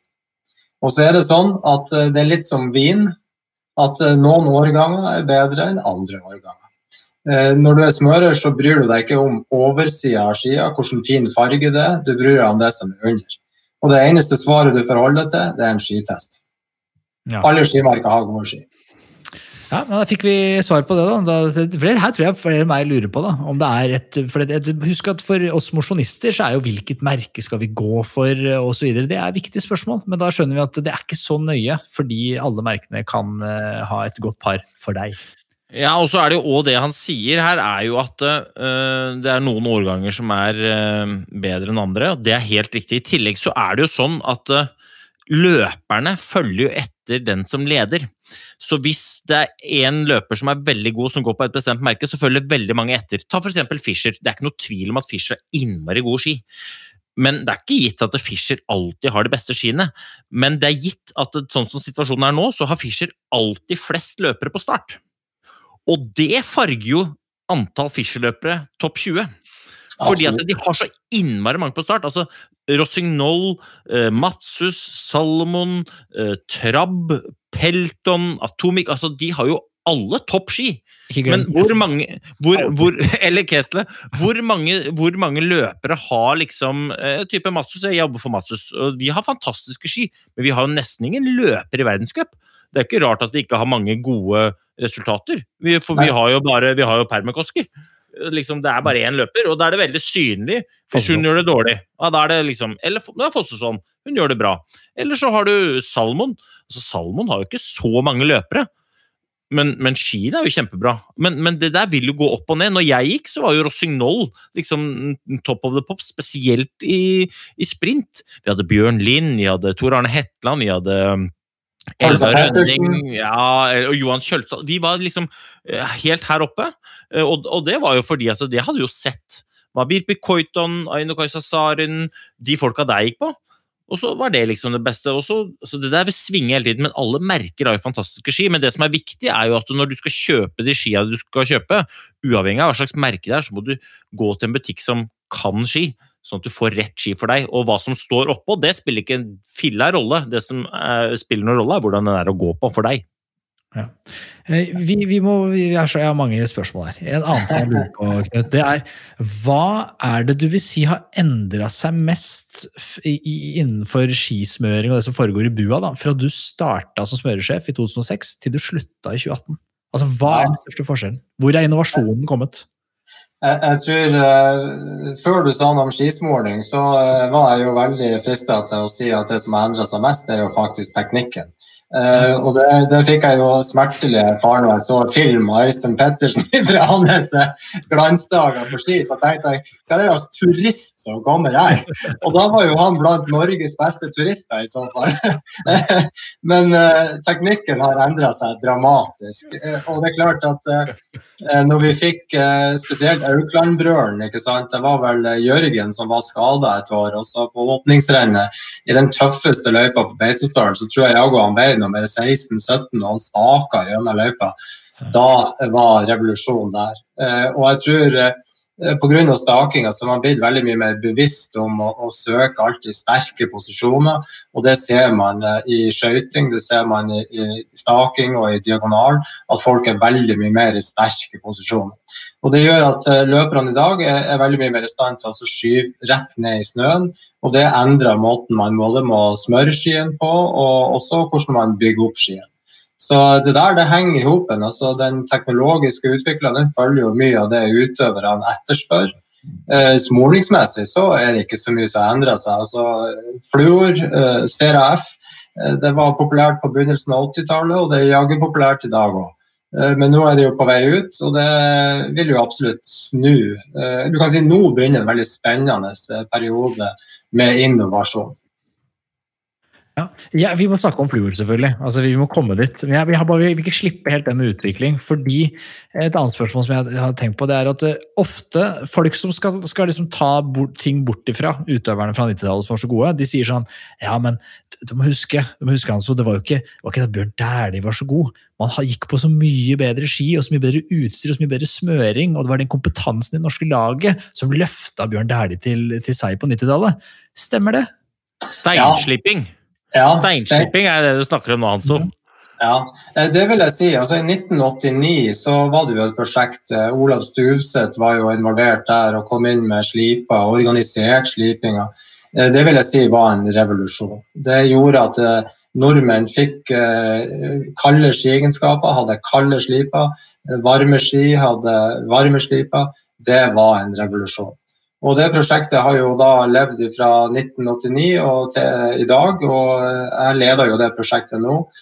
Så det er en av årsakene til at Norge har hatt gode ski opp gjennom veldig mange år. Og Det er ingen garanti for at vi ikke skal drite oss ut, det har vi jo gjort mange ganger. Men eh, det er helt unikt i, i verdenssammenheng at du klarer å få langrenn, skiskyting og kombinert til å jobbe sammen om et felles prosjekt. Og der ligger det utrolig mye kunnskap. Men, og, og, hvis jeg skjønner dette riktig, så er dette, dette er det altså et prosjekt som disse eh, grenene har gått sammen om, og, om, og så beskytter man, er liksom, man holder dette tett. da, så det var sånn at Norge delte ikke på godene. når vi, hvor, mange år vil du si at man hadde foran liksom, før russere og de andre kom på par? Svenskene er jo rett over grensa, bare. Må jo sneke seg en eller annen svenske som kom på og skulle hospitere hos deg, Knut. Og dro med Eh, ja da, og du kan si det er jo ingen fare å dele på kompetanse, men vi klarer jo allikevel å bevare hemmelighetene. Så det er jo en viss sånn kodeks i det her. Og, og vi frykter ikke så veldig mye at det skal komme en svenske eller en tysker inn i laget. For at uh, vi har til filosofi at det er systemet som vi har bygd opp, prosessene som vi har bygd opp, som alltid vil gi oss nye svar. Og Det betyr det at eh, en smører i et lag den vil kun få tilgang til den kompetansen vi har der og da.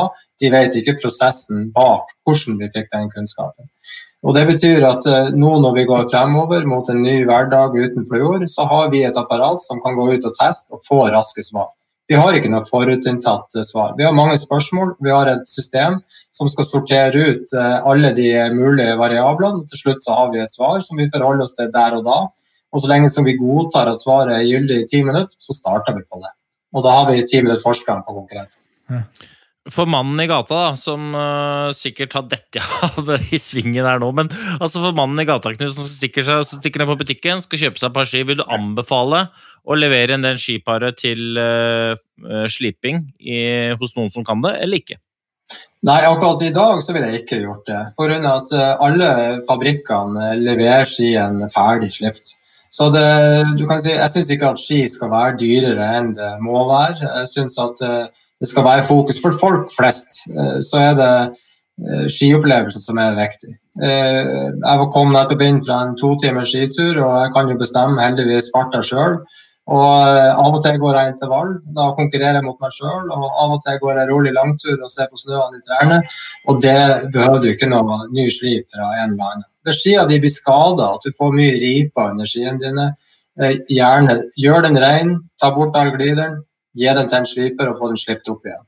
Og Da får du en fin, flat såle. Så, så, det kan være en måte å fornye ski på? Absolutt. Ja. Eh, jeg har et spørsmål til, eh, Knut, og dette lurer jeg på selv. Eh, nå er det kaldt ute, og det er trått ute. Og så Jeg er jo da såpass oppegående at jeg glider skiene innimellom. Men hvilken, hvilken egenskap i sålen er det jeg er ute etter? Jeg er ute etter, Når det er så trått som det er nå, vil jeg ha en hard såle som er på en måte behandla mye med hard glider?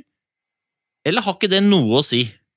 Jo da, det har noe å si, men du kan si hvis vi starter med skiens egenskap, så er jo det som er det viktigste. Og der er det jo noen grunnprinsipper som er viktige. Eh, men så er det alltid unntak fra regelen, så du finner jo ikke ut godt skipar eller hva som er godt skipar før du tester det på snø. Men generelt sett, hvis du legger skien mot hverandre, såle mot såle, og så klemmer du ca. der tåballen din ville vært når du har satt skoen i, i bindingen, så du, klemmer du dem sammen, så holder du framsida opp mot lys. Så hvis du har store kontaktflater framme og bak på skia, så er det ei ski som er beregna for kalde fører. Og hvis du har en ski som åpner så veldig mye at skien går ifra hverandre, så er det ei ski med korte kontaktsoner så er det ei ski som er beregna for mer klister og varmt føre. Så det er sånne generelle ting. Men jeg må bare skyte for det, akkurat det du snakker om her, sånn, det diskuterte jeg i går sammen med en en, uh, du vet veldig godt hvem det er, men uh, i frykt for represalier så nevner jeg ikke navn. for jeg sa nemlig at når det er monstertrått For i går var det La Degonella. Monster, monster kald snø. Helt tørt og kjempetrått føre, så sa jeg at på framsida så er du ute etter en kort trykksone, for at du får ikke skapt den friksjonen uansett. Så er interessert i å ha minst mulig ski i snøen likevel, for å få lettere føring. Er jeg helt på jordet da? Eh, ikke nødvendigvis. Du kan si, Nå snakker jeg om generelle prinsipper, men du må huske på at hvis det er eh, det, Så vidt jeg vet, så har det bare gjort én test på det her. Og, eh, og det er noen som prøvde å måle hvor kaldt er det på framsida, og hvor kaldt er det da på baksida. Så på minus 13 grader så målte de minus 13 på front, og så var det minus 8 bak. Det betyr at du har varma opp 5 grader på ei skilengde. Så kan du si at når du da går og staker nedover en italiensk dal sant, og prøver å komme deg fortest til mål så du kan få et glass rødvin, så står du kanskje da bak en eh, ja, alt etter hvor god du er, da, men uh, du står som regel alltid bak noen. Så den som er i front, kan jo gjerne gå på minus 13, minus 15. Men de som kommer lenger bak, de kan jo gå på et føre som er kanskje bare minus 3-4 eh, i snøen. Ja. Ja, eh, for dette her er jo Dette er, dette er nølete, men dette er spennende. fordi at du, du ser sånn som i går, så er det jo ekstreme skiforskjeller. Nå var det så kaldt at halvparten av startfeltet våkna opp dag med vabler på både føtter, knær og hender. Da. Eh, men samtlige tester jeg har gjort på det føret der sånn, og da har jeg jo selvfølgelig gått Ingen har vært foran meg i sporet. Men samtlige tester jeg har gjort, og samtlige av løperne som jeg har levert ski til, valgte jo ski med kort trykksone foran. Fordi mm. at den med lang trykksone foran, den hadde de feste på. Altså, den sto helt dønn fast i snøen. Jeg vet jo ikke hva slags ski Magnar Dalen, eller hva slags egenskaper skia til Magnar Dalen uh, hadde, men jeg registrerte at løperen hans gikk innmari fort. Mm. Ja, og du kan si det her er grunnprinsipper som vi ser etter. Og det som har skjedd de siste årene, hvis du ser på eh, jevnt over på verdenscup og så analyserer du temperatur, og så sier du når går folk flest skirenn, så er jo selvfølgelig rundt null er jo der de fleste skirennene er.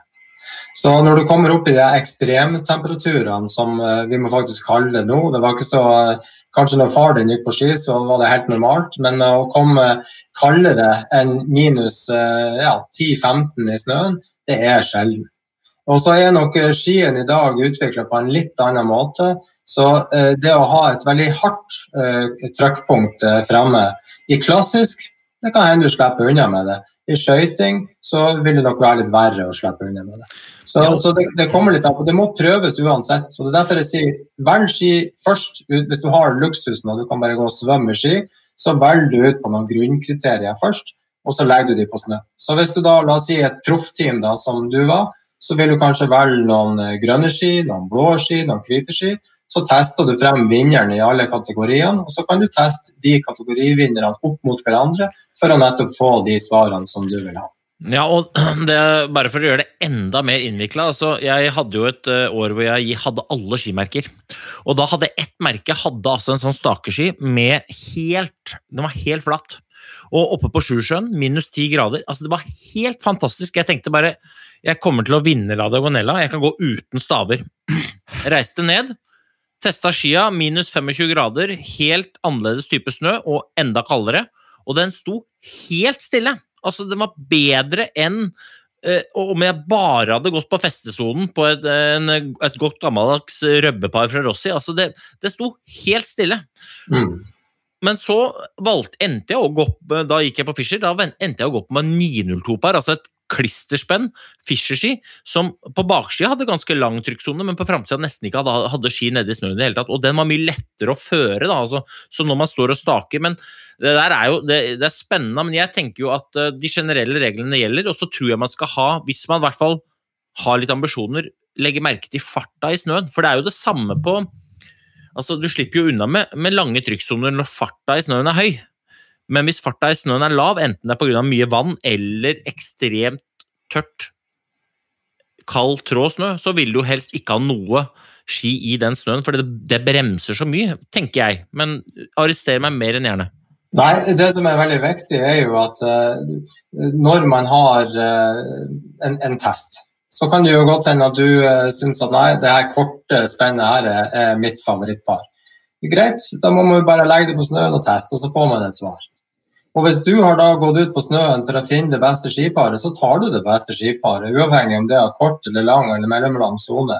Men hvis du går på snøen og sier at dette er mitt favorittpar, og det vil jeg skal vinne, i ni av ti tilfeller så kommer det til å skje.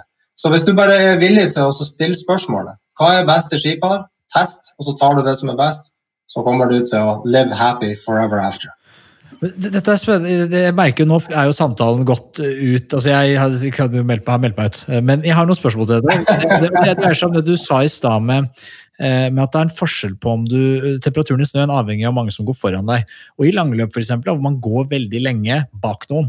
Eh, hvor, hvor, bevisst mener du man må være på det? Og tror du at det syndes på det feltet? Tror du veldig mange gjør som, som, som, eh, som Øystein beskriver at han gjør? Da? Han bare går og tester skiene, og så går han aleine, og så ja, det kjennes bra. Men så burde han egentlig ha testa det med tre andre foran seg. Ja, jeg mener absolutt at det er en variabel som man må vurdere. Men folk er jo forskjellige. Hvis du skal være han typen som røkker fra start ikke sant, og skal gå alene, så må du gjøre et valg basert på det. Men hvis du har eh, et annet valg, at eh, jeg skal være med på sånn transportetappe til at det er noen kilometer igjen, og så skal jeg røkke, så må du jo vite ja, men hvordan ser det ut der jeg skal røkke. Er det en bratt nedoverbakke så jeg trenger ski for å få luke, eller er det en mega oppoverbakke som jeg trenger da, eh, spesielle ski for? Så du må velge verktøy etter hva jobben eh, og strategien din er, eh, er mitt råd. Det er jo det er veldig artig å se, spesielt når jeg reiste rundt på, på turen. da, og gikk, For da treffer man jo, i den grad jeg ikke er vanlige folk, så da treffer man jo vanlige folk som tester ski. og uh, Marcialonga er et sånt klassisk eksempel. ikke sant, Det er jo 15 eh, km oppover, og så er det jo fem uh, eller fire og en halv mil flott nedover, og så er det litt oppover på slutten. Uh, og da tester jo da mosjonisten tester jo ski på Lago di Testro. Det er da skistadionet holder for hjemme. Mm. Og der tester de sånn lengdetest, og da, da, velger de ikke nødvendigvis det paret som er lettest å stake på, eller lettest å få feste på, men de velger det paret som på glir fire centimeter lenger enn det andre på sånn helt Det er nesten ikke bevegelse, for det glei jo lengst, og så tar man det paret.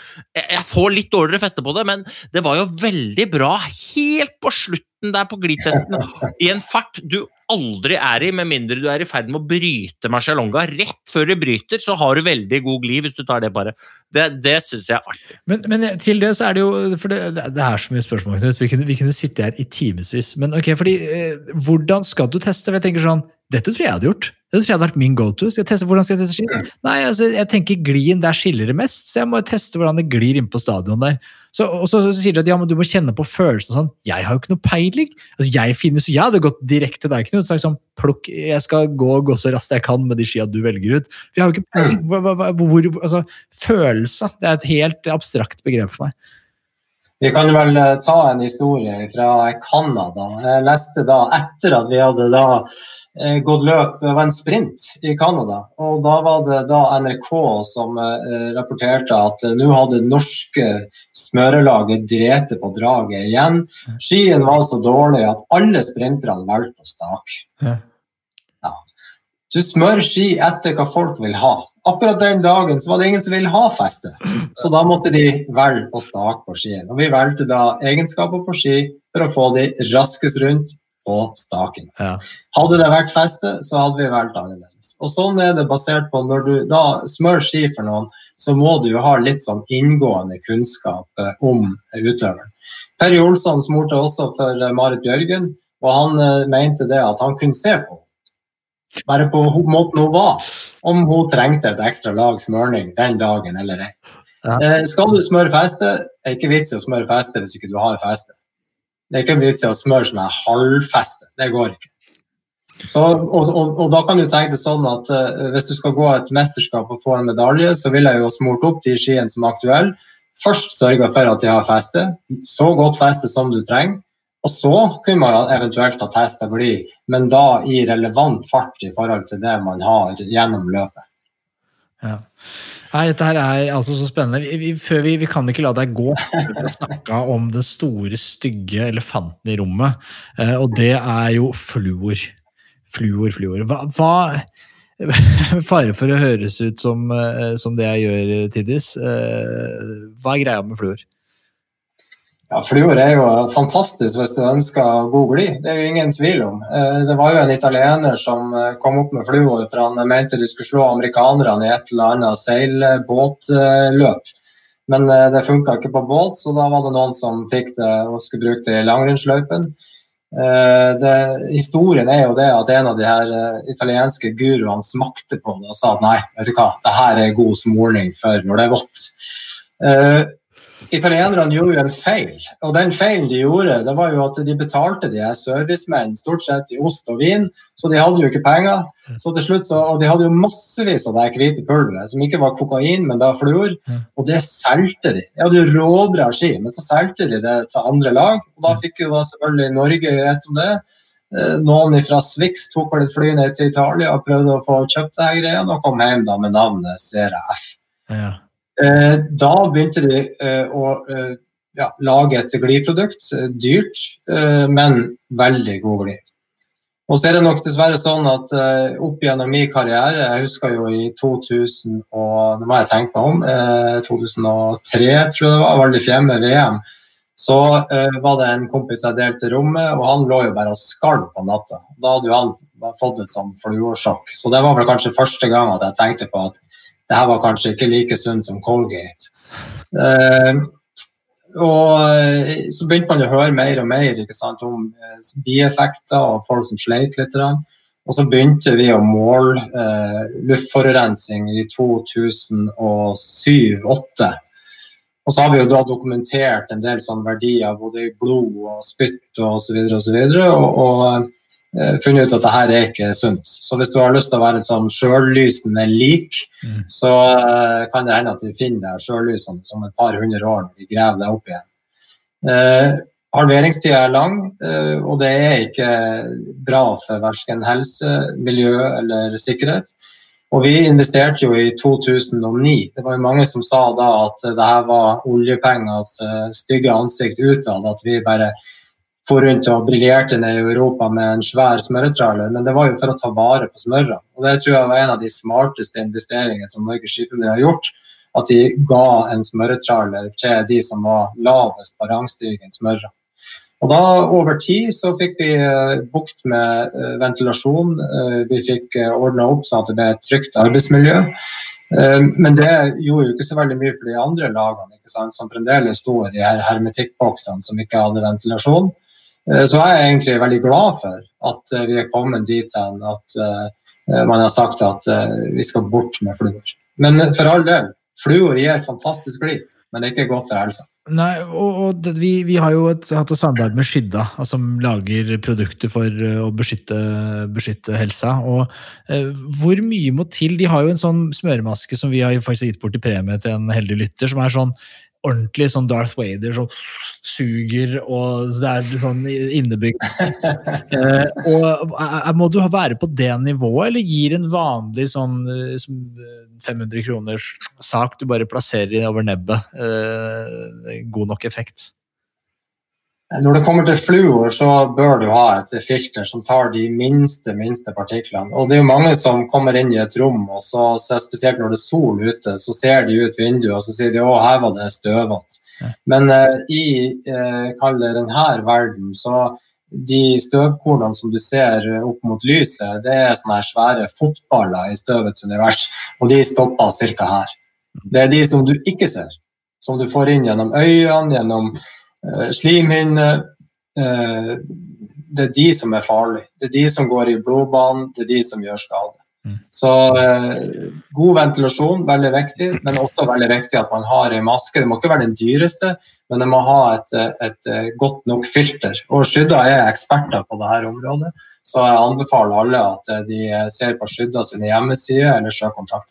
Ja, veldig, oppfølging veldig, veldig kort. Er det de, altså, man hører på en måte at fluor er syndebukken, men så er det en del som sier også at ja, men det er ikke bare fluor. Altså, det er Når du står inni den lille og Folk har jo ofte pitt bitte små sånne boder eh, hvor de står og de filer og de holder på. Og, og ikke minst mens nå skal jeg kjøpe meg noe sandpapir og begynne å ødelegge forfatteren. Eh, og gjøre meg selv arveløs. Og da blir det også små partikler. ikke sant? Eh, er det, er det, liksom, er det bare fluor som farlig? Sånn, når du driver med smøring, så få på deg få maske på nebbet og, og, og pass på deg sjøl? Altså, det er nok lurt å, å, være heller mer på den forsiktige sida enn uh, å være uforsiktig, men akkurat det med festesmorning og, og, sandpapir og sånn er nok ikke noe særlig stort problem. Men mange er jo uh, sensitive til støv. Uh, og, og, noe av det er jo ikke sånn at du får sånn livsfarlig skade av det, men det kan jo være at det er for ti, i ti minutter så sliter du kanskje litt med pusten, og skal du ut og vinne en medalje eller gå fort, så er det jo dumt å redusere med 1 eller 2 eller 3% de første kilometerne. Men eh, det er generelt sett så vil jeg si det som folk reagerer mest på, det er fluorstøv, det er når man bruker rotobørst, og det er type klisterfjerner som, som, har uh, kjemiske sammensetninger. Og så er det ikke sånn at alt er livstruende, men uh, du kan føle litt ubehag. Mm. Jeg ser mange av dere dere bruker jo hansker. Er det for å ikke få det på hender og eventuelt sår og sånn, eller er det av forfengelighetens skyld? Vi er forfengelige. Altså, alle hovmestere har da hansker, det må jo du vite.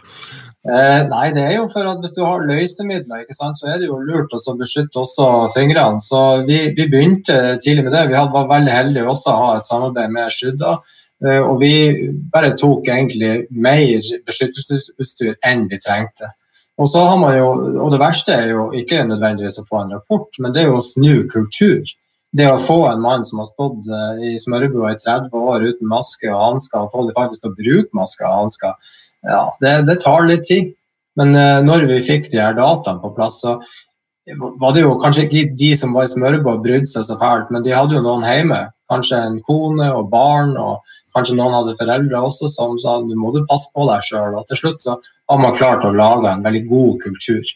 Uh, og det er viktig å ta vare på helsa. Jeg synes Det er rart å høre, fordi for meg har jeg alltid tenkt på de smørerne som er ganske sånn myke metroseksuelle menn. Men uh, ok, siden du sier det, at de er tøffinger, ok.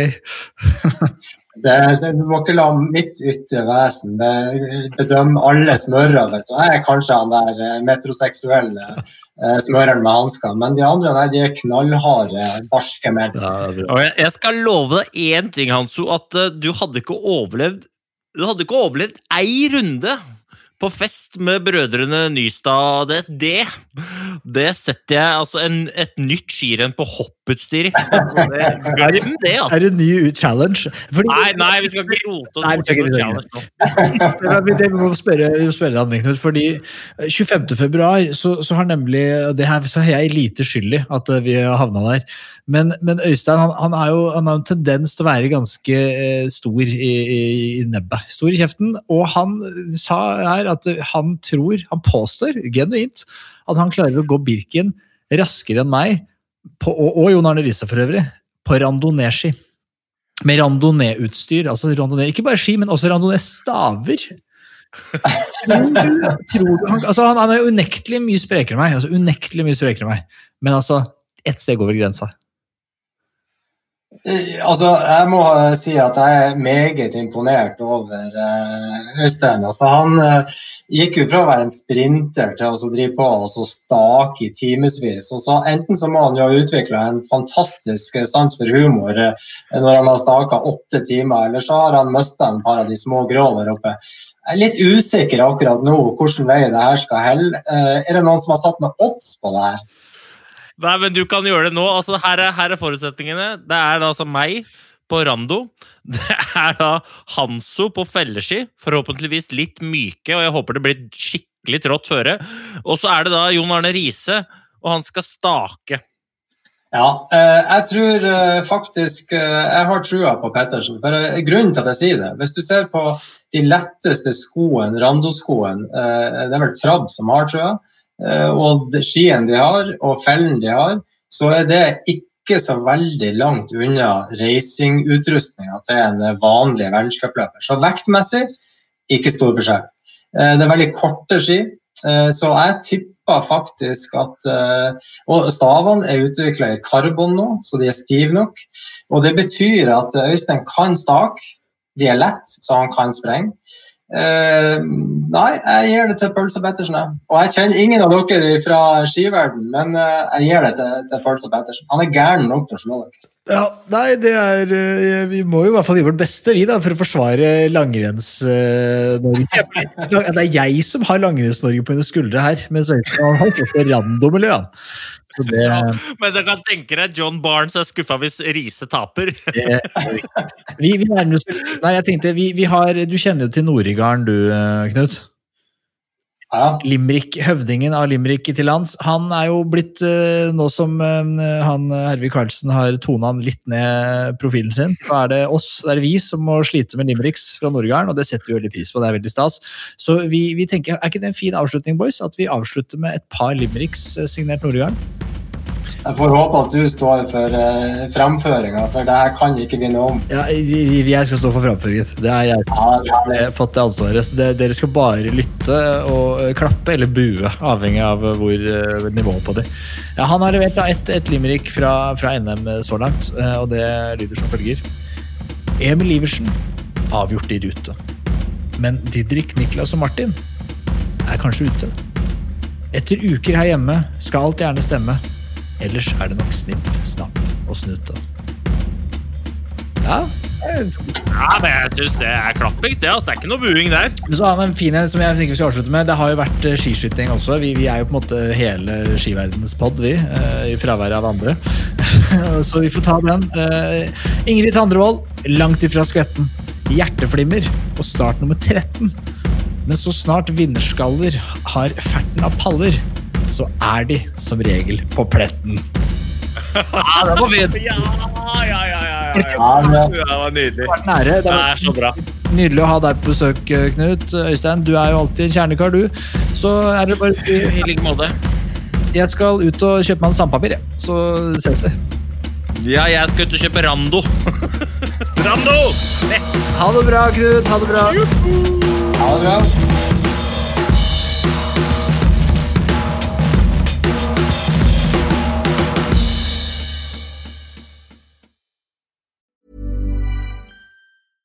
Hey, it's Paige DeSorbo from Giggly Squad. High quality fashion without the price tag. Say hello to Quince.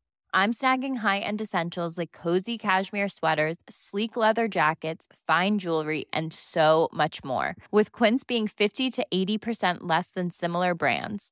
And they partner with factories that prioritize safe, ethical, and responsible manufacturing. I love that. Luxury quality within reach. Go to quince.com slash style to get free shipping and 365-day returns on your next order. quince.com slash style. Imagine the softest sheets you've ever felt. Now imagine them getting even softer over time. That's what you'll feel with Bowl and Branch's organic cotton sheets. In a recent customer survey, 96% replied that Bowl and Branch sheets get softer with every wash. Start getting your best night's sleep in these sheets that get softer and softer for years to come. Try their sheets with a 30-night guarantee. Plus, get 15% off your first order at bowlandbranch.com. Code BUTTERY. Exclusions apply. See site for details.